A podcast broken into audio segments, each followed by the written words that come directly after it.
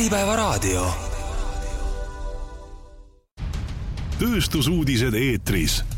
Eesti masinatööstust aitab eest vedada Radius Machining ja usaldusväärne tööjõud tuleb Hansavestist tere, head kuulajad, algab järjekordne saade Tööstusuudised eetris. mina olen saatejuht Harro Puusild ja äh, tänases saates räägime natukene majandusolukorrast, räägime äh, majanduspoliitikast äh, ja tööjõukvoodist ja aktuaalsetest märksõnadest, mis meil siin viimasel ajal meediaruumis kõlanud on. tööstuse ja majanduse olukorda olen kutsunud stuudiosse siis kommenteerima äh, valgustitootja Klamoksi juhi Virve Jõgeva, tere tulemast saatesse, Virve! tere! ja joogitööstuse Liviko juhi Janek Kalvi, tere tulemast saatesse! tervist! Äh, enne kui me lähme siis nende märksõnade juurde, mis siin on kõlanud, äh, küsiks kõigepealt, kuidas läheb Klamoksil, kuidas läheb Livikol, mis teil täna veebruaris toimub, milline väljavaade on selleks aastaks? Klamoksil läheb hästi, et vaatasime üle ka eelmise aasta tulemused, mis annavad ka sellist selget märki, kuhu me liigume, et äh, käive on väiksem kui eelmisel aastal, samas ettevõtte kasum on, on jäänud samaks, mis eelmisel aastal, nii et, et äh, see iseloomustab ilmselt paljusid ettevõtteid, et turud on muutumises, meie oleme palju, väga palju seotud ehitusturgudega ja eks ähm, erinevatel turgudel on, on ka jahtumist tunda, et siis tuleb lihtsalt ka oma tegevusi strateegiliselt üle vaadata, et et, et kas siis alternatiivtooteid müües või, või üldse tootevalikut üle vaadates, aga samas hästi tõhustada ka oma protsesse. et see kasumlikkus ikkagi jääks selliseks, nagu on, on planeeritud ja aasta algas hoogsalt, et tavaliselt meil ongi selline sesoonsus ka, mis äh, detsembrikuus tugev kasv seoses sellega, et, et äh, paljud objektid soovitakse lõpetada või, või siis äh, oma eelarved ära kasutada eri riikides, siis see tõus on püsinud ja on hea vaadata, et ka veebruar on sellise hea tellimuste portfelliga meil liikumas edasi, nii et hetkel ma olen väga-väga äh, positiivne selle aasta alguse suhtes. kas seal mingisugune selline tunnetus on aasta teise poole suhtes ka, noh, arvamused lähevad, lähevad siis meil meediaruumis mitmeks, et, et osad näevad, et on natukene positiivsemaid märke juba, et, et langus on pidurdama, pidurdumas. Äh, samas on palju neid, kes ütlevad, et tegelikult noh, praegu uusi tellimusi näha ei ole, ehk siis tegelikult noh, sellel aastal midagi ei realiseeru, ehk siis aasta teine pool on ka pigem nukker või hakkab alles siis üles minema üldiselt ma arvan, et läheb veel kehvemaks, kui me räägime üldiselt, et eri valdkonnad on erinevad. Ma arvan, et elektroonikatööstuses nii suuri tagasilanguseid ei tule, et reeglina on see portfell päris lai ja, ja turud sellised stabiilsed või on alternatiivtooted olemas, aga aga paljudes teistes valdkondades kindlasti saab need keerulised ajad ei ole veel, veel mööda läinud, sest me ju ei näe üldises majanduskeskkonnas nii tugevaid paranemise märke, mis tekitaks julgust investeerida ja, ja, ja positiivselt edasi vaadata. kuidas joogitööstuse poole pealt praegu paistab ja kuidas Livikul läheb? no Liviko äh, ärimudel on selline, et meil on tütarettevõtted Lätis ja Leedus, lisaks siis Eesti ettevõttele ja siis on üks päris suur osa meie ärist on eksport. ning, äh, ning see nii Eestis, Lätis, Leedus või Baltimaades siis ka meie äri on noh, suhteliselt rahvusvaheline, et üks osa on see, mis me toodame, võib laialt, laias laastus öelda, et pool meie ärist on see, mida me ise toodame ja siin müüme siis Baltimaades ja teine pool on siis see, mida me impordime ja esindame siis rahvusvahelisi kaubamärke, eks ju, ja, pakume neile distributsiooniteenust ja, ja, ja seetõttu on see noh, liht-, lihtsalt vastata on päris keeruline, sest et me noh, oleme mõjutatud ähm, väga paljudest teguritest väga paljudel turgudel, aga äh, loomulikult on nähtavus muutunud äh, kehvemaks ja, ja ei sõltu enam nii palju meie enda tublidusest või, või ütleme, ärilistest otsustest niivõrd palju. ma arvan, et see, see on selline üleüldine kommentaar, see puudutab ilmselt kõiki mida rahvusvahelisem äri on, äh, noh, seda, äh, seda sellised võib-olla markantsemad need mõjud võivad olla, näiteks Liviko veel, veel kolm-neli aastat tagasi päris suures mahus eksportis ka Venemaale ja, ja Valgevenesse, siis peale sõja algust me kohe kõik need kõik lõpetasime. vabandust, ja ja, ja ütleme siis nii, et, et, et ega siis need sellised geopoliitilised mõjud jätkuvad veel nagu, nagu erinevatel, erinevatel kohtadel, et me noh, ütleme kasvõi ootame pikisilmi, et taastuks Covidi-eelne turism Eestis mida me kahjuks ei näe, et ta ei ole taastunud ja, ja, ja kui kõik Covidi lõppedes olid üsna optimistlikud, et nüüd see turismisektor põrkab tagasi üheksateistkümnenda aasta tasemele, siis tegelikult seda juhtunud ei ole et seda võib vaadata noh, erinevate siis ka kasvõi näiteks laevakompanii reisijate arvu statistikast või, või Tallinna Sadama reisijate arvu statistikast, siis minu, kui mu andmed nüüd õiged on, võib need üle kontrollida, siis eelmisel aastal, kahe tuhande kahekümne kolmandal aastal oli turismi Äh, sadama kaudu siis nagu Tallinnat külastavate turistide arv kasvus ainult üks protsent. et see on nagu naeruväärne, et, et see tähendab seda, et, et sellist äh, ootust ähm, sellele, et äh, naasevad Covidi eelsed sellised head majandustingimused ilmselt ei ole. ja, ja noh, ütleme, kui me nüüd tuleme täp-, täpsemalt Liviko näiteks Eesti või Baltimaade äri juurde, siis meie oleme sellises ärivaldkonnas, kus meid mõjutab väga tugevalt maks ja, ja sellel aastal ka siis Eesti riik tõstis alkoholiaktsiisi ja, ja, ja, ja mitte ainult Eesti riik, vaid ka Läti ja Leedu. Läti tõstab märtsist ja, ja, ja Leedu samuti äh, tõstis alkoholiaktsiisi, nii et need, need mõjutajad on sellised ajutist laadi, aga, aga näiteks jaanuar-veebruar on meil väga, väga rahulikud Baltimaades just sellepärast, et aktsiisitõusud on noh, on avaldavad turule sellist spetsiifilist mõju, et sellest võib siin pikalt rääkida, aga see võib-olla pole nii relevantne. nii et äh, kui rääkida üldiselt, äh, siis me oleme noh, lõpptarbijale orienteeritud turul. Väga paljuski, ehk meie, meie tooteid tarbivad lõpptarbijad ja loomulikult majanduskeskkond on praegu jahenenud, et, äh, et tarbimine on kokku tõmbamas ja muutumas, et näiteks kallimat kaupu, kallimaid premium alkoholi tarvitajaid tarbitakse natuke vähem ja üleüldse tarbitakse natukene vähem. ilmselt ikkagi inflatsiooniline keskkond on avaldanud mõju, hindade kallinemine on avaldanud mõju. kodumajapidamiskulude kasv, eks ju, need intressimäärade jätkuv, jätkuv kõrgel olek, et ma arvan, et see on terve kompleks, mis, mis täna tervele sellele Baltimaade majandusele suurt mõju avaldab ja noh, ma arvan, et näiteks intressi ja Euribori äh, kallinemine avaldab just nimelt spetsiifiliselt siin Baltimaades suuremat mõju, võib-olla Lõuna-Euroopas vähem, eks ju, et ütleme, need intressikulude kallinemine mujal Euroopas ei ole nii, nii äh, märgilise tähtsusega kui võib-olla meil. No kui me vaatame neid äh, numbreid, mis siin nüüd Statistikaamet on, millega välja tulnud, siis tegelikult meie skp või majandus langes siis neljandas kvartalis kolm protsenti, eksport kukkus veerandi võrra detsembris, noh kuidas ütleme, kui murettekitavad need numbrid tegelikult on, et äh, kui vaatame konjunktuuri äh, siis instituudi hinnangut, siis äh, noh, majandus on käpuli sisuliselt ja positiivseid märke ei nähta. kuidas teie nendele numbritele otsa vaatate, mis, mis mõtteid see tekitab? ma tean, et vingumine ei ole populaarne praegu siin väga paljud seda teevad, et, et, et midagi ei ole teha, tegelikult ikkagi keskkond on halvenenud ja nagu ma ennem ütlesin, nähtavus on nii, niivõrd kehv, et lihtsalt see selline ratsionaalne mõtlemine ei luba olla ülearu optimistlik, see ei tundu eriti, eriti nagu mõistlik, et ma arvan, et kõik ettevõtted noh, ütleme, planeerivad oma tegevusi natukene konservatiivsemalt ja, ja lühemaks perioodiks, ei, ei julge, juleta teha väga kapitalimahukaid investeeringuid näiteks või, või selliseid arendusplaane sedavõrd uljalt, kui neid võib-olla veel veel paar-kolm aastat tagasi tehti, eks ju. ja, äh, ja, ja ma arvan, et, et üks suur mure on just see konkurentsikeskkonna muutumine, et me oleme just rahvusvahelises mõttes rahvusvahelise konkurentsikeskkonna muutumine, et me oleme äh, natukene äh, või isegi päris palju kaotanud atraktiivsust, noh, ma ennist mainisin seda turismindust, eks ju, kus, kus võib selgelt välja lugeda, et me ei ole ilmselt täna esiteks on seal mitu põhjust, üks on geopoliitiline, eks ju, mõju, aga teine asi on kindlasti ka, ka seesama hästi järsk inflatsioon, et meie hinnad on, meie, meie kaupade ja teenuste hinda on tõst-, tõstetud nii palju viimasel ajal, et me ei ole enam näiteks Soome, Rootsi või Skandinaavia turistidele enam sedavõrd atraktiivne, kui me olime veel mõni aasta tagasi. ja, ja see on selline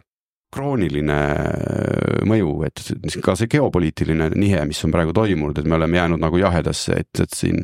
et ütleme, iga päev võib lugeda lehtedest artikleid ja mitte ainult Eestis, vaid, vaid ka rahvusvahelisest meediast, et Baltimaad on järgmised, eks ju. siis see on, see on ikkagi krooniline, ma mõtlen selle all seda, et see on pikk äh, probleem ja väljakutse Eesti ja, ja meie regiooni jaoks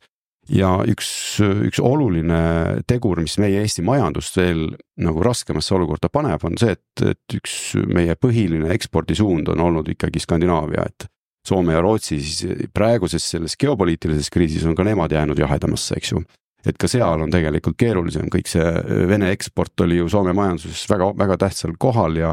ja, ja kõik needsamad riskid, mida siin räägitakse, need ju noh, tegelikult laienevad kõikidele Venemaa piiririikidele, nii et see, see tervikuna tähendab seda, et me oleme üsna pikas kriisis. Või noh, kui me ei taha seda nimetada kriisiks, siis nimetame paradigmaatiliseks muutuseks, et, et lihtsalt meie, meie selline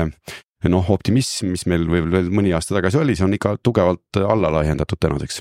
jah, ma olen Janekega täiesti siin nõus, et maailm on kardinaalselt muutunud ja kui me vaatame globaalset äh, majanduskeskkonda, siis äh, me enam ei räägi ahelkriisidest, me räägimegi, et maailm on nüüd volatiivne, me peame olema sellised kiiresti reageerivad, kohanevad ja ja siin ei ole väga suurt erisust, kas me räägime Eesti ettevõttest või räägime naaberriikide ettevõttest, needsamad väljakutsed üldises sellises majanduskeskkonnas mõjutavad kõiki mida mina näen, mis äh, teeb keerulisemaks meie äh, siis äh, ellujäämist või toimimist, on see, et meile lisanduvad ka sellised veel siseriiklikud tõmbetuuled, et ja kui me arvame, et me, Eesti on väike ja see kõik jääb meile siia Eesti, Eesti sisse, see segadus, siis väga, konkurents on ikkagi üle maailma ja jälgitakse väga, mis toimub üle maailma. kui tulevad väga ootamatud maksude tõusud, ükskõik, kas me räägime aktsiisidest, mingitest teistest maksudest, kui ei räägita läbi tööandjatega erinevate muude seaduste või, või siis mingite direktiivide juurutamise poole pealt, et mis selle mõju võiks olla, siis see keskkond ei ole atraktiivne investeeringute jaoks. ja me kipume seda unustama, et see, mille vilju me tahame saada nelja-viie aasta pärast, need otsused tuleb teha täna ja rääkida sellest, et meil tuleb ilus tulevik, meil on siin tööstuspoliitika, meil on siin sellised äh, prioriteedid, millele me keskendume, see on väga tore. Ja ärimaailmas ongi nii, et me teeme strateegia ja hakkame selle järgi liikuma, aga seal taga on ka väga selge tegevusplaan, et millele me keskendume. Ja rääkida, et me tahaks kõike maailmas muuta, seda ei saa, siis ongi, et, et millele me Eestis siis prioriteedina seame, võib-olla isegi otse öeldes, millisele tööstusvaldkonnale me kõige rohkem keskendume, sest äh, ka see sisend, mis nüüd sai ähm, kokku pandud tööstuspoliitikasse erialaliitudelt, on ju ka erinevate valupunktide kogum erinevatest valdkondadest ja kõik tahavadki saada lahendusi sellele, aga lõppude lõpuks, kui kõike ei saa, siis lepime koos kokku, mis viib meid edasi Eestis ühtemoodi. et see, seda diskussiooni me täna ei näe, et me räägime erinevat keelt, tööandjad ei kurda tänase elu üle, me, me oleme kõik professionaalsed juhid, äh, enamikel ettevõtetel on ambitsioonikad omanikud, et meie ikkagi eesmärgid on hoida jätkusuutlikult ettevõtted töös ja, ja teenida kasumit, aga meie sõnum on pigem see, et vaatame edasi ka. aga diskussioon tagasi siis nagu riigi poolt tuleb pigem see, et et miks te vingute, et me ei saa teid kogu aeg aidata, et me, me räägime erinevates keeltes ja erinevates asjades, me saame täna hakkama sest me oleme harjunud hakkama saama erinevates tingimustes, me oleme professionaalid, aga me muretseme selle pärast, mis saab tulevikus ja täna tuleb tegutseda. täna tuleb teha suuri samme meil oli tööstusuudistes ka äh, küsitlus, kus juhid ütlesid, et äh, tegelikult kui me konkurentsivõimet või ütleme, kui me sellega ei tegele või seda probleemi korda ei saa, siis on tuleviku väljavaated ikka väga sünged, te olete nõus sellega? jaa, aga noh, tasub äh, rääkida konkreetselt, eks ju, mis asi see mhm. konkurentsivõime on, et need on sellised abstraktsed ähm, terminid, mida väga tihti ka poliitikud armastavad kasutada, aga, aga tegelikult see koosneb ikkagi konkreetsetest asjadest, sisendhinnad, eks ju, meie regiooni sisendhinnad noh, raha hind, eks ju, mõjutab seda väga selgelt. kui meie raha hind meie ettevõtetele on kallim kui, kui kuskil Lõuna-Euroopas või näiteks Saksamaal, siis äh, see ongi üks tegur konkurentsivõimes või, või, või pärssiv tegur siis antud juhul. Äh, kui ja ka raha hind on ainult üks näide, tegelikult kõik sisendhinnad terves oma, oma nagu loetelus, mis iganes, valgustitootjatel on need omad, meil on omad, aga, aga äh, ilmselgelt väikesele turule tihtipeale need siin hinnad kipuvad olema kõrgemad, eks ju, et meil on see jõuõlg väiksem ja, ja turu inertsus väiksem, et me peame lihtsalt, kui me tahame toimida, tahame tehase tööl hoida ja töös hoida ja inimestele palka maksta, siis me oleme noh, näiteks Covidi ajast eriti näidet otsides, eks ju, on, on hea näide see, et, et selleks, et üldse saada materjali, eks ju, sa olid pidid aktsepteerima täitsa pööraseid hinnatõuse ja, ja osaliselt äh, on see protsess jätkunud, hinnatõusud jätkuvad, jätkusid eelmisel aastal ja jätkuvad ka meie jaoks näiteks sellel aastal mingites äh, valdkondades. ja, ja noh, eriti kui sa oled rahvusvahelises äris, siis äh, need hinnatõusud kipuvad olema nagu mitte kõik ühes ja samas ajahetkes, eks ju, kõikidelt turgudelt või, või, või siis tarbijatelt, eks ju nii et ähm, see on üks asi, aga, aga noh, teine asi äh, tuleks ikkagi aru saada, et vot ma enne mainisin, et toimunud on mingi paradigmaatiline muutus, et kui me ei taha nimetada, et see on kriis, siis ütleme, et toimunud nii suur muutus, et me peame nagu defineerima mitmed asjad ümber, et, et ähm, arusaadavalt kõige tähtsam asi Eesti jaoks on eksport, sest et siin siseturu, sisemajanduse ja sisetarbimise arvelt, see on veel kümme aastat jahe. ma ennustan, et ma ei taha nüüd nagu nagu liiga, see ei ole vingumine, eks ju, vaid see on pigem nagu selline realistlik hinnang, et ma ei näe, ma ei näe kuskilt, mille arvelt saaks meie sisetarbimine täna kuidagi uut energiat või hoogu, hoogu juurde. et ähm, Eesti majandus noh, nii-öelda sõltub järjest enam ja enam ekspordist, eks ju. Mm, sellest ka räägitakse liiga abstraktselt, et ma tahan öelda seda selle või mõtlen selle all seda, et, et näiteks Liviko näitel meil oli tõesti kolm aastat tagasi me eksportisime väga palju näiteks Venemaale. täna me peame täielikult ümber defineerima, meie eksport on tegelenud viimased kaks aastat selle tohutu augu lappimisega, mis meil on jäänud mitmetelt turgudelt, kuhu me enam müüa ei saa. ja, ja, ja näiteks eelmisel aastal lisandus meie ekspordi, okei okay,, Liviko ekspordib enam kui seitsmekümnesse riiki oma kaupu ja, ja eelmisel aastal lisandus umbes kümme uut turgu umbes sama palju või, või isegi veel rohkem uut, uut nii-öelda ekspordipartnerit, sest et mõnel turul on ka noh, rohkem kui üks distribuutor või edasimüüja.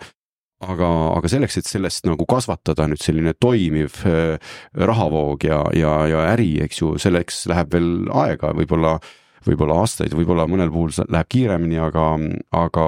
iga, igal juhul on see terve Eesti probleem, et me otsime ja mitte ainult Eesti, ka meie Skandinaavia partnerite probleem, et me peame leidma uusi turge, uusi väljundeid, kuidas oma tehaseid ja senist ärimudelit äh, õigustada. Ja, ja ma arvan, et, et sellest lähtuvalt võib-olla see riiklik äh, noh, abi või, või, või toetus võiks olla ka just äh, just eksportivatel ettevõtetel on number üks, eks ju, ma isegi ei ütleks siin seda, et noh, mis tööstusharu on tähtsam või vähem tähtsam, et eks iga eksport võiks olla püha, eks ju,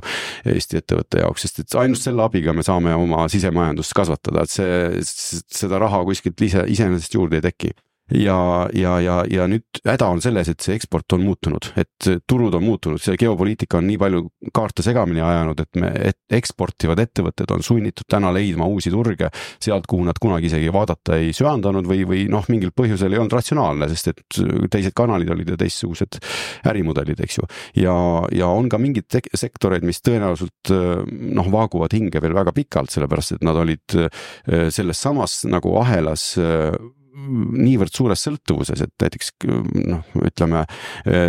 Venemaast otseselt sõltuvuses olnud ettevõtted on tänaseks käpuli, eks ju, täielikult ja võib-olla mõni on neist juba likvideeritud aga, aga, aga ka väga palju näiteks me teame, et Skandinaavia ehitusturule suunatud,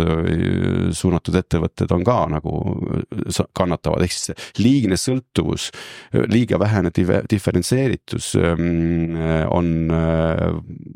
või diversifitseeritus on õigem sõna, on, on tegelikult risk ja, ja täna me peame nagu natuke ümber mõtestama oma ekspordimudeleid ja, ja siin võiks olla riik abiks, sest et uutele turgudele sisenemine on väga kallis, väga keeruline ja, ja, ja aeganõudev ja, ja noh, ütleme,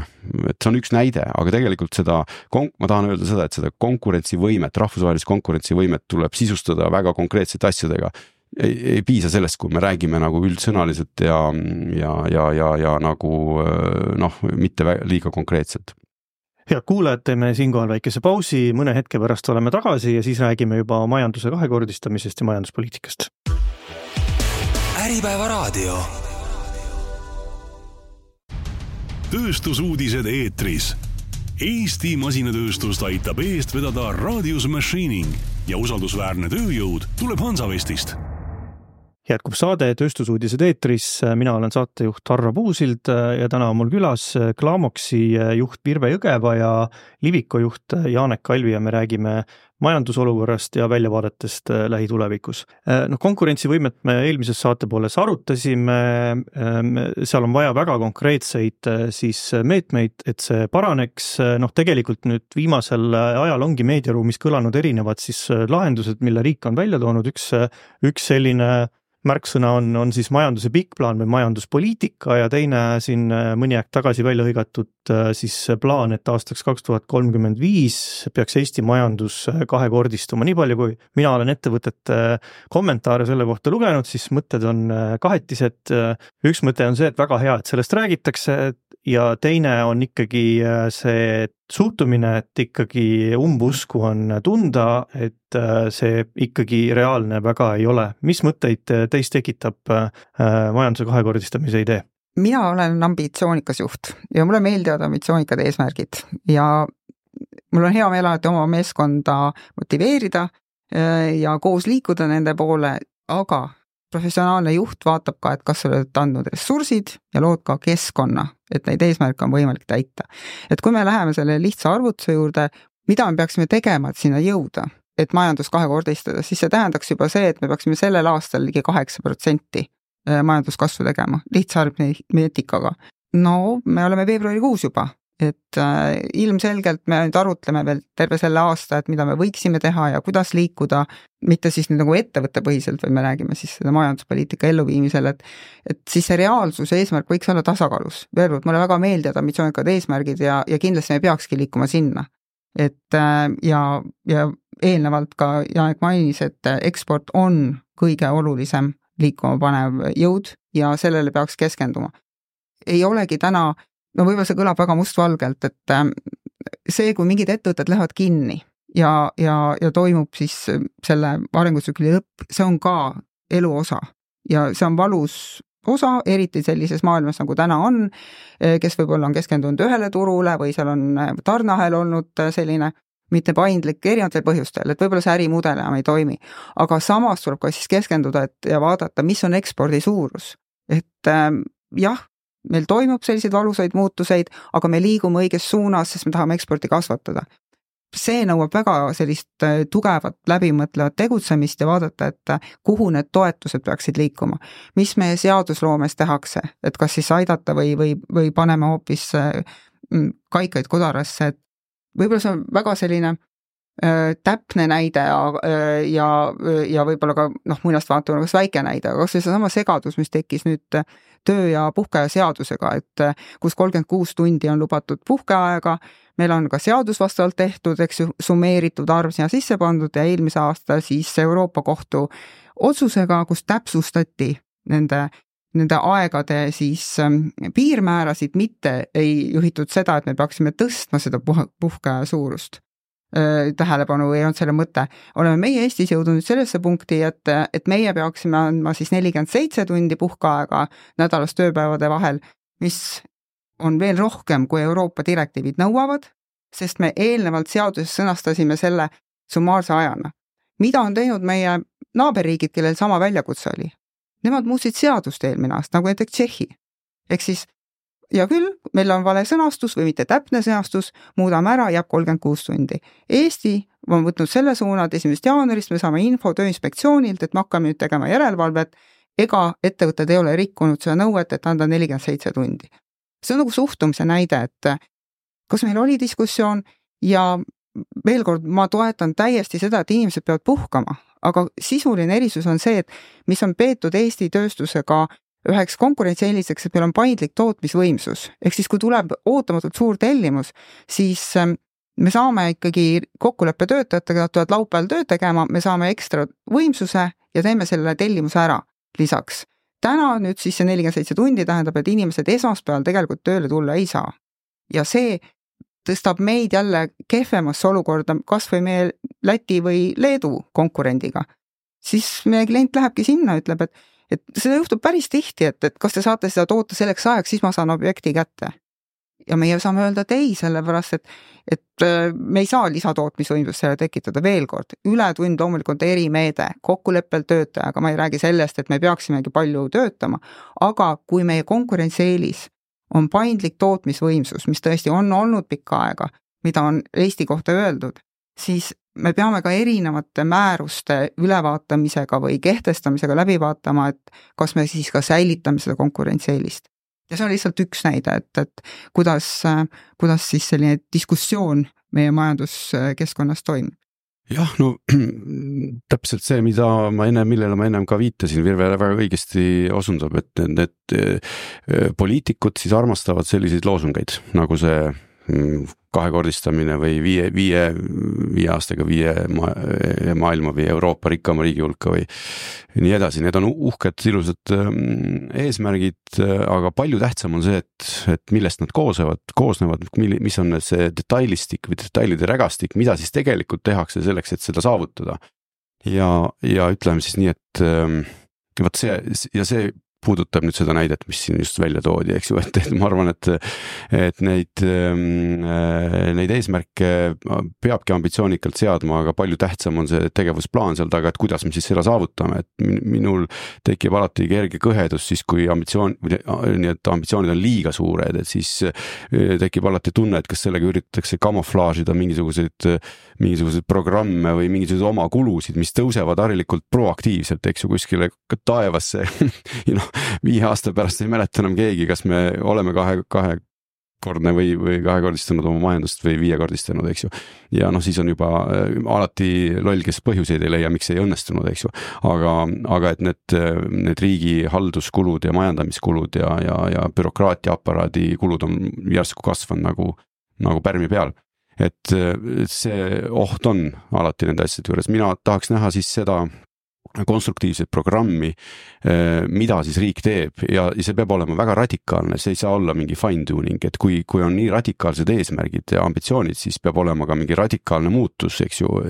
tõesti soodustatakse ettevõtluskliimat eh, märkimisväärselt, nii et, et seda, seda eesmärki ei täida ju, sellest peavad kõik aru saama, seda eesmärki ei täida ju ükski poliitik ega, ega minister, eks, vaid seda eesmärki saavad täita ainult ettevõtjad ja, ja kui ettevõtluskeskkonda ei reformita sel määral, et ettevõtjad tunnetavad konkurentsivõime tuntavat paranemist, siis noh, siis see eesmärk ei maksa mitte midagi nii et ma arvan, et äh, saatan on detailides nagu, nagu alati, eks ju, ja neid asju tuleb äh, vaadata luubiga. Äh, just neid programme, mis siis nagu peaks nagu meid sinna, sinna nii-öelda kahekordse kasvuni viima, eks ju nii et äh, ütleme nii, et see, ütleme, plaan kahekordseks igati tänuväärne, suured plaanid ongi vaja ette võtta, küsimus on, kuidas need ära teha, milline on see strateegia ja taktika, äh, kuidas sinna jõuda. selline märksõna nagu majanduspoliitika, mis tegelikult peaks neid huve äh, siis teenima ja meid siis sinna kõrg-, kõrgustesse aitama, et üks selline dokument on kommenteerimiseks ja, ja uudisena välja saadetud äh, ja see koosneb üheksast punktist ja see ongi siis ministeeriumi poolt siis öeldud, et need on need punktid, mida siis äh, sek-, e-, e-, ettevõtlussektor on alati tahtnud. ma põgusalt loen ette, ma detailideni ei lähe, aga saame kohe testida, kas need jäävad teile kõlama, kas need on õiged suunad ja kas nendega peaks tegelema või tuleks midagi siis äh, ära jätta ja juurde tuua. no esimene punkt on õigusruum äh,, olgu selge ettenähtav, teine punkt on ebavaja ebavajalikule bürokraatiale ei ole ruumi, kolmas punkt on äh, tööjõu, äh, tööjõud ja haridus toetab ettevõtlust, äh, seejärel on Eesti on ekspordi kasvulava, seejärel on Eesti on välisinvesteeringute tõmbekeskus, seejärel tuleb teadmised ja tehnoloogia loovad majandusele lisandväärtuse, riigi riskijulgus ja investeeringud toetavad ettevõtete ambitsiooni, ressursid ja taristu on kättesaadavad ja viimaseks äh, lihtne on olla äh, vastutustundlik ettevõtja. kuidas need punktid tunduvad, kõlavad need õigesti? parandaksite, täpsustaksite? no kõlavad küll õigesti, aga, aga nad on jällegi sellised noh, liiga üldised, et tegelikult selleks, et et nagu äh, päriselt nüüd kohe tahaks nagu vastu vaielda, et miks meil täna ei ole nii, eks ju, et mis siis nagu, mis siis juhtuma hakkab, kas me koondame suure hulga ametnikke kuskilt, kus, kus meil iga, äh, igakuiselt kaikad kodaratesse loobitakse, see, mis reaalselt, ma võin tuua näiteid, mida võib-olla ei ole kohane siin kohe tooma hakata, eks ju, aga mis takistavad reaalselt meie eksporti näiteks, eks ju. täna on jätkuvalt riigiaparaadis Äh, ametkondi või bürokraatlikke äh, nii-öelda selliseid üksusi, mis, äh, mis tegelevad meie arvates täiesti arusaamatute asjadega, nii et, et väga tore, kui selle selle üheksa punkti raames siis nüüd see sihikule võetakse, ma eeldan, et ma saan võib-olla mingi ministri audientsi ja saame rääkida neid, neid valukohti, et, et veel kord, et väga oluline on see, et kuidas neid asju sisustatakse, et need on ja need on nüüd natukene täpsemalt, sest et on mingid suunad ja valdkonnad välja loetletud ja ma arvan, et need on ju õiged, et seal noh, ehm, kõik kõik on nagu selle, selline, millele võiks alla kirjutada, aga, aga sellest üksi ei piisa. ma noh, see on sa, sama jutt, mis ma just ennem rääkisin, et tegelikult tuleb minna väga konkreetseks, et, et need ähm, punktid on sellised, millega võiks nagu nõustuda, jah ja täiesti nõus, et muusika minu kõrvadele, kõik need punktid on, ongi sellised äh, head tugisambad, mille peal liikudes saaksime edasi minna. aga siis on järgmine küsimus, kuidas mm. -hmm. ja kolmas küsimus, et mis on mõõdikud mm. -hmm. et äh, liikumine on ka tore asi, aga et, et me, kuidas me siis mõõdame, kas me sinna jõudsime, et no võtame ühe punkti siin, et äh, kasvõi siis seesama bürokraatia või see osa, et kaks tuhat seitseteist äh, siis Rohelise raamatu juures oli väga ilus eessõna, et kus eesmärgiks äh, kõik sarnased punktid, kuhu me liigume ja väga selgelt välja toodud, et ikkagi kõiki, kui me midagi kehtestame, siis vaatame mõju, arutame tööandjatega ja oluline on see, et, et ikkagi selline asjaajamise koormus väheneks. see oli eessõnas selges välja öeldud. ja nüüd siis äh, mis meil siis nüüd on, kuus aastat hiljem, eks juba seitse aastat hiljem, siis räägime nüüd uuest siis sellest äh, tööstuspoliitikast, mis ka sarnaste punktidega. Äh, nüüd on ka pandud mõõdik, vähendame kakskümmend protsenti siis seda koormust, asjaajamise koormust. minul tekib segadus, aga mis me siis nüüd vahepeal need kuus aastat tegime, kas me kasvatasime asjaajamist kakssada protsenti võrreldes siis sellega, mis rohelises raamatus räägiti ja mille alusel me otsustame, et vähendame kakskümmend protsenti, et sellise matemaatiliselt mõtleva inimesena ma ikkagi tahaks aru saada, et millest me selle kakskümmend protsenti vähemaks võtame või kas me teame, kus me oleme, kas kakskümmend protsenti on üldse piisav, kas kakskümmend protsenti on palju, äkki viis protsenti piisab? et ähm, kõik need eesmärgid peaks olema selged, mõõdetavad ja tõesti seal taga on siis ka arusaadav tegevus ja muutus tuleb alati ebamugavast olukorrast. muutust ei tule kunagi olukorrast, kus kõik on hästi ja jätkame samamoodi ehk siis ka Eestis paraku tuleb teha raskeid otsuseid ja muuta tõesti midagi radikaalselt. mulle väga meeldis Kersti Kaljulaidi esinemine Tallinn äh, Elisa Techi konverentsil, kus äh, kus ta ka kommenteeris just Eesti läbi ajaloo teatud riiklikke otsuseid ja, ja sõnum oligi see siis, et, et esimesed, äh, kes teevad raskeid otsuseid, võtavad enda peale riski, aga nemad võidavad ja need, kes teevad hiljem ja järgi jooksevad, nemad maksavad. see on täpselt nii nii nagu äris, kui sa teed oma strateegiat konkurendi järgi joostes, sa võib-olla saad hakkama, aga tormisel merel suudad sa oma nina ainult vee peal hoida ja konkurent ilusti hõljub lainetel ja see täpselt sama on ka riikidena. et kui me ei tee otsuseid, julgeid otsuseid natuke teistmoodi, mis siis teevad teised riigid meie kõrval, eh, loomulikult tuleb neid targalt teha, et sa ei keera riiki päris pea peale, siis me jäämegi ikkagi ulpima seal lainete sees, üritades nina vee peal hoida ja vaatame, kuidas siis teised äh, laineharjal eest ära ujuvad. ma tahtsin lihtsalt kommentaariks öelda, et ma loodan väga, et sellele mm, äh, noh, see, need üheksa punkti tunduvad nagu isegi natuke triviaalsed, et ma loodan väga, et sellele ei kulutanud keegi noh, päevi või nädalaid, et see nüüd kirja panna, et, et see nagu noh, ütleme nii, et õige, aga, aga, aga tegelik elu on palju raskem ja keerulisem. küsimus, kõige keerukus seisneb selles, et kuidas seda saavutatakse ja, ja mis on see programm, mida siis nüüd hakatakse tegema, et kuidas. kui me vaatame päriselu nagu loeme lehti ja vaatame uudiseid ja räägime poliitikutega ja ettevõtjatega, siis me siis me näeme täpselt vastupidiseid tendentse, eks ju, et, et õigusselgusest noh noh, ma ei tea, ma ütleksin, et äh, kui alles olid valimised ja ei, keegi ei rääkinud äh, ühestki maksust, eks ju, mida, mida me sellel aastal näeme paratamatult, eks ju, siis see ju ongi õigusselguse tegelikult reaalne nagu pale. Et, et see bürokraatia, kui räägitakse siin juba, ma ei tea, vist juba kümneid aastaid varsti riigireformist, eks ju, siis reaalsuses nagu riik kasvab, mitte ei, ei, ei ametkondlik, ametkondlik nagu personal nagu ainult värbab juurde, eks ju, erinevaid eksperte, nii et me tegelikult noh, ütleme siis tundub, et elame mingis teises maailmas, kui, kui, kui need poliitilised avaldused või sellised eesmärgid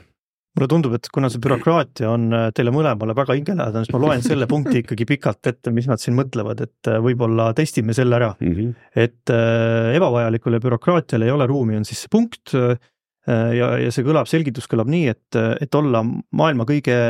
efektiivsema avaliku sektori riik, peame lähtuma põhimõttest, et riigiteenused peavad olema põhjendatud, arusaadavad, läbipaistvad, ajakohased, kättesaadavad, vajaduspõhised ja kasutajakesksed. Eestis on äh, ettevõtjatel enam kui nelisada erinevat kohustuslikku aruannet, aruandlus ja sellele kulutatud aeg peab vähenema siin ei ole mõõdikuid, siin on lihtsalt äh, kirjeldus. väga hea, täitsa võib nõustuda, väga hea mm -hmm. eesmärk. Äh, võiks juba homme näha midagi, mis siis nagu selleks tehakse, et see nii ähm, sinna suunas liiguks, et ma arvan, et mm -hmm. täiesti nõus, et ja. ei saagi täpselt aru, mina, minult ka kolleegid on küsinud, miks me need Statistikaameti aruanded peame täitma, kui, kui me ei, ei ole aru saanud, kes neid kasutab ja, ja, ja, ja sellise detailsuse astmega, eks ju. aga, aga noh, see on ainult üks näide, et vabandust, võib-olla, võib-olla siin statistika Statistikaameti ees, eks ju, aga, aga, aga et neid on, neid, neid on veel ja veel ja veel, et need, see, see ametkondlik eh, surve on sedavõrd suur, et me peame, me tõsiselt kaalume täna mingisuguse eraldi ameti või õigemini mitte ameti, vaid siis ametikoha loomist selleks, et et kõikide erinevate kontrollide ja ametnikega nagu äh, suudaks sammu pidada mm. -hmm. ja nõus, et aruanded ei ole üldse halvad asjad, Need on äh, vajalikud asjad, andmete kogumine on ka arenguks vajalik äh, tegevus,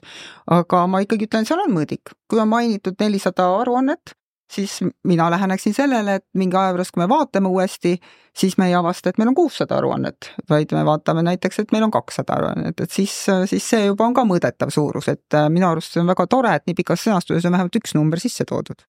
no siin ilmselt on plaan, et, et kui see äh, majanduspoliitika nüüd saab äh, kaante vahele ja valmis ja, ja kõik on rahul, et, et siis selle tööstuspoliitikaga minnakse ka edasi, et sinna see rakenduspool ka luua, et, et äh, praegu vist töösturitele tundub, et see on jäänud tagaplaanile jälle. minu arust on ka väga avatult ka ministeerium ise öelnud, et, et see on nüüd siis avatud järgmiseks diskussiooniks ja järgmiseks sammudeks, mis on ka hea, et mm, -hmm. et saada selgemaks ja seda tegevusplaani sinna külge saada, aga veel kord, et siis me peame ka oma pikaajalisi eesmärke üle vaatama, et kui me siis strateegia ja tegevusplaani peale kulutame aasta kaks tuhat kakskümmend neli ja kaks tuhat kakskümmend viis, siis tuleb arvestada, et ettevõtjad tegutsevad need kaks aastat ikkagi selles keskkonnas, kus me täna oleme. Ja siis ei ole mõtet rääkida erinevatest eesmärkidest või koostööst, siis ja. me olemegi realistlikud, et me peame hakkama saama järgmised kaks aastat selles olukorras ja samamoodi tuleb ka väga selgelt aru saada, et globaalsed ettevõtted, kellel on kapitali, ei tule täna siia investeerima, sellepärast et see keskkond on ebakindel mm. -hmm. jah, ja, ja, ja, ja noh, see on väga õige ka, et, et tõesti me oleme praegu selles olukorras, et ettevõtlus kohaneb ja, ja mõnikord see kohanemine on, on noh, ka negatiivne kohanemine, et lihtsalt loobutakse mingitest asjadest, et kui ikkagi perspektiiv on kaks-kolm aastat juba selline väga pilvine või, või isegi veel pikemalt äh, vaadates, siis, ähm, siis mõnikord see kohanu, kohanemine võib olla riigi ja majanduse seisukohast väga valus. et lihtsalt pakitakse asjad kokku ja avatakse kontod kuskil mujal ja, ja, ja see, ma isegi julgeks öelda, et juba ninaga õhku nuusutades on seda tendentsi tunda, eks ju et, et siis, siis riik ei saa ainult teha nagu sellist nimekirja ja öelda, et nüüd me hakkame, nüüd on komisjon ja nüüd me hakkame arutama, olema avatud ettepanekuteks. mõnikord on vaja sellist ikkagi nagu kontratsüklilist kiiret poliitilist juhtimist ja julgust, et teha mingisuguseid asju ka natuke radikaalsemalt, kui, kui võib-olla me, me oleme harjunud sellises ja ma ei ole kaugeltki demokraatliku juhtimissüsteemi või poliitilise korra nagu kriitik antud juhul, eks ju, aga, aga mõnikord on vaja ka sellist riigimehelikku julgust äh, teha mingisuguseid samme, mis on võib-olla natukene äh, nagu, kuidas öelda, väiksemas ringis äh, läbi töötatud selleks, et lihtsalt olla ajaliselt efektiivne, sest aeg ja kiirus, reageerimiskiirus on ka üks osa konkurentsivõimest, eks ju, seda me oleme maininud, aga, aga see, kes kui kiiresti suudab reageerida ja oma ettevõtetele või ettevõtluskeskkonda nagu toetada, see tegelikult võidab, et kui me vaatame noh, mm, isegi Euroopa Liidus, eks ju, tehakse mõningaid kannapöördeid suhteliselt kiiresti, kui on ikkagi põllumehed on tänavatel ja valavad veini ja ma ei tea, mida noh, seal kõik noh, Brüsseli tänavatel valasid, eks ju, siis tegelikult tehti suhteliselt kiiresti suhteliselt radikaalseid otsuseid ja needsamad näited, noh, neid võib otsida maailmast nendest, nende riikide seast, kes on edukad veel, et, et noh, kasvõi Covidi ajal Eesti noh, neid stiimulusi või niisuguseid riigi toetusi suhteliselt ikkagi näpuotsaga ja tagasihoidlikult andnud, ma saan aru ka, eks ju, Eesti riik ei ole nii rikas kui Saksamaa on ju, aga aga lõppkokkuvõttes see kõik ju pärsib meie konkurentsivõimet, sest me oleme ühel avatud turul, eks ju, me oleme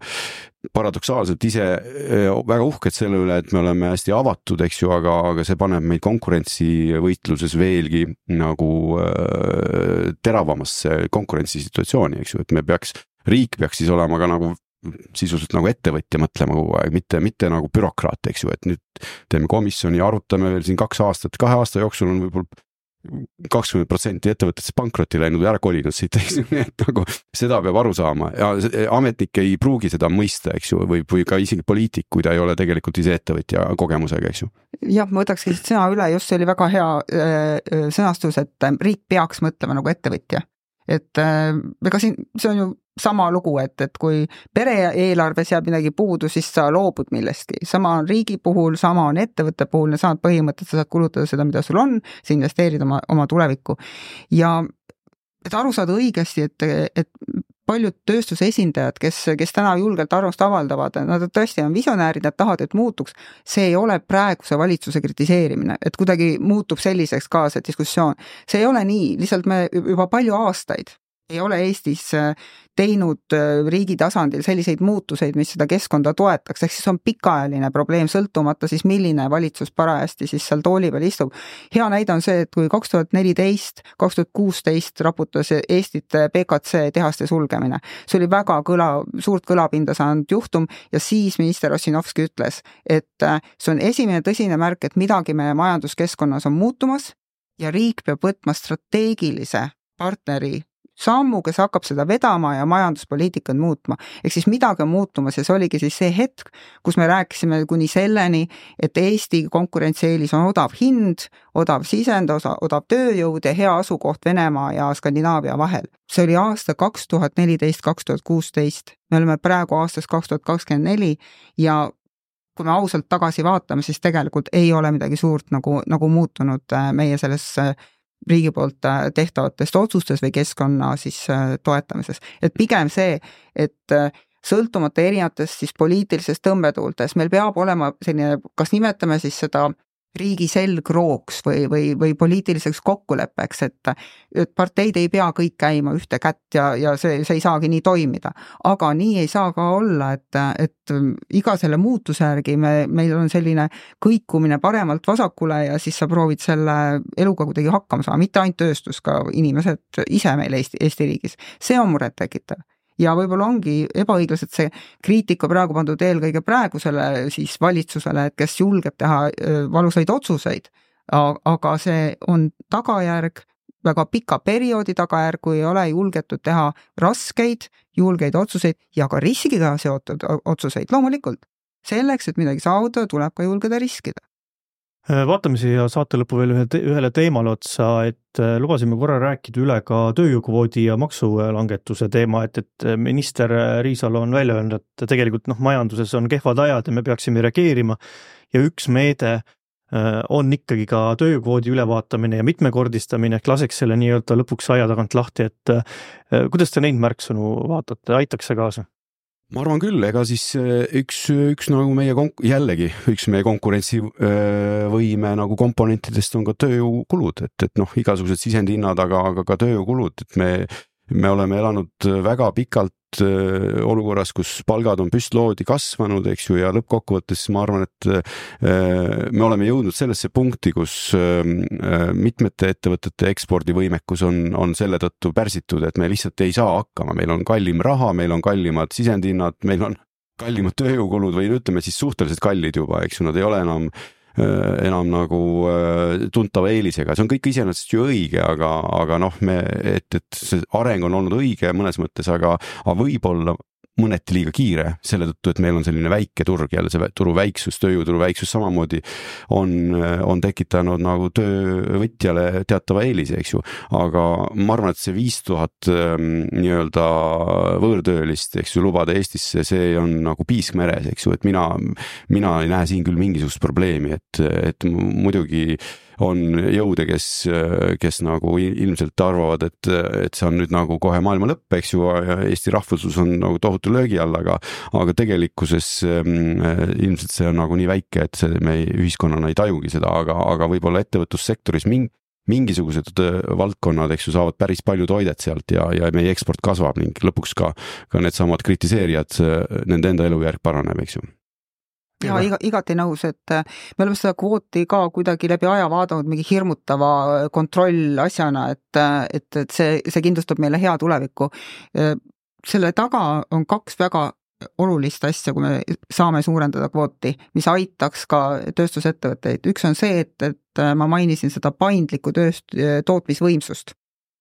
kui meil on suurem kvoot, me saame rohkem töötajaid ka rendifirmadele ja kui on tootmist ettevõtetel vaja mingiks kindlaks ajaks tõsta, noh, ütleme pooleks aastaks tootmisvõimsust, siis on võimalikult lihtne, jah, võib-olla natuke isegi suurema kuluga, kui kuna sa maksad rendihinda võib-olla rohkem, aga teatud perioodiks tuua sisse töötajad ja, ja kohe reageerida. et äh, sul on olemas esiteks selline ressurss ja ei tasu karta, räägitakse ka kogu aeg, et need inimesed ongi need, kes tulevad, võtavad meie töö ära ja ja, ja inimesed jäävad ilma tööta tegelikkus on ju see, et äh, väga suur osa töötab nendel kohtadel, kus meie ei taha töötada. meil on puudu õmblejatest, meil on puudu keevitajatest, meil on puudu tavalistest metallitöölistest. Äh, ametikoolidest meil ei tule piisavalt peale, sest see ei ole atraktiivne eriala. siis vaatame sellele otsa, mitte me järgmised kümme aastat jälle ei räägi sellest, et see on probleem ja räägime, ah ei olegi vaja seda tööstust. et lähme ikkagi siis selliste nutikate lahenduste peale, kõik see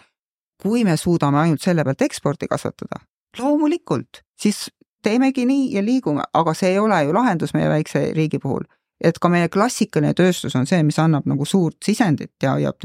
üleval Eesti riik eks see annaks võimaluse selleks. ja teine, mida me unustame, et selle kvoodi sees tuleb ka väga palju tippspetsialiste, keda Eestis ei koolitata ja nad tulevad meile siia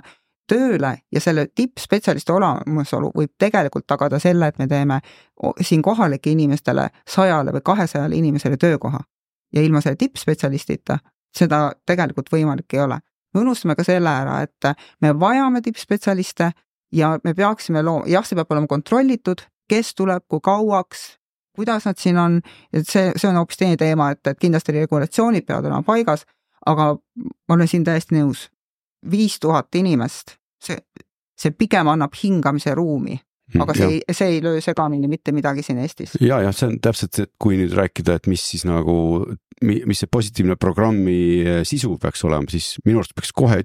ära otsustama, et see ongi üks võib-olla mitte viis, vaid veel, veelgi suurem, eks ju, et, et kui me tahame eh, kahekordistada majandust, siis me ei saa selliste teemade üle nagu liiga pikalt nii-öelda diskuteerida, see jälle see ajafaktor töötab iga päev meie vastu, eks ju, ja ja, ja siis tuleb julgeda, juleta teha nagu selliseid otsuseid, eks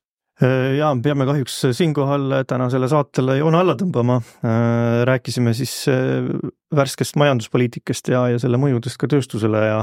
ja seda teemat kommenteerisid stuudios valgustitootja Klamoks-juht Virve Jõgeva. Virve, aitäh tulemast saatesse! aitäh kutsumast!